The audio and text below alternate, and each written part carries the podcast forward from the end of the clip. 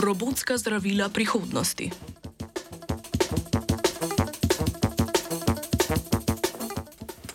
Ameriška raziskovalna skupina je v znanstveni reviji Science Robotics objavila članek, v katerem poročajo o možnosti dostave zdravilnih učinkovin v prebavni trakt s pomočjo robotske kapsule.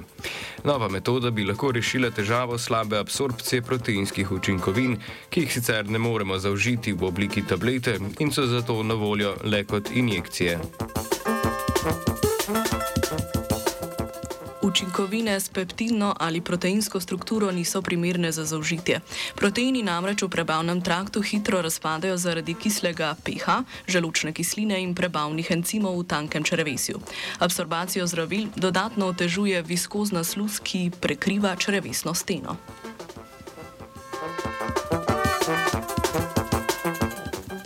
Novi pristop k dostavi zdravil temelji na želatinasti kapsuli, ki s pomočjo robotskega sistema odstranjuje sluz na črevesni steni in tako olajša absorpcijo učinkovine.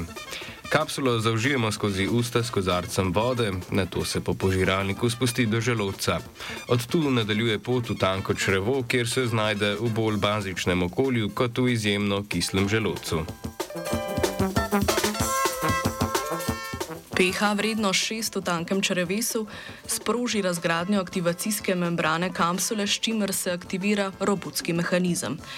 Mikrometrski izrastki na želastinasti kapsuli se začnejo po aktivaciji obračati in čistiti sluz na črevesni steni. Tako se peptidna učinkovina, ki se hkrati sprošča iz kapsule, absorbira hitreje in v večjem obsegu kot sicer. Robotsko delovanje kapsule traja približno 35 minut.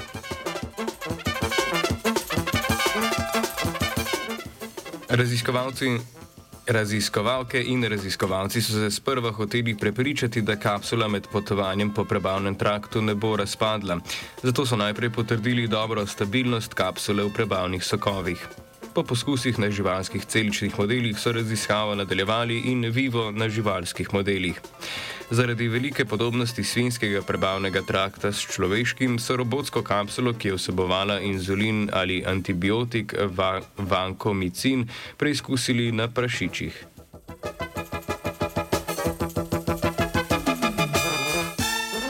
Koncentracijo omenjenih peptidnih učinkovin so izmerili v krvi vsakih 15 minut v časovnem zaporedju 45, časovnem razponu seveda 45 minut. Učinek inzulina na padec krvnega sladkorja so še dodatno potrdili s sočasnimi meritvami glukoze v krvi. Poskusi so pokazali, da robotska kapsula ne povzroča poškodb prebavnega trakta ali unetja, iz telesa pa se izloči v nespremenjeni obliki. Robotski zbritov je pripravila Andreja. Three, two,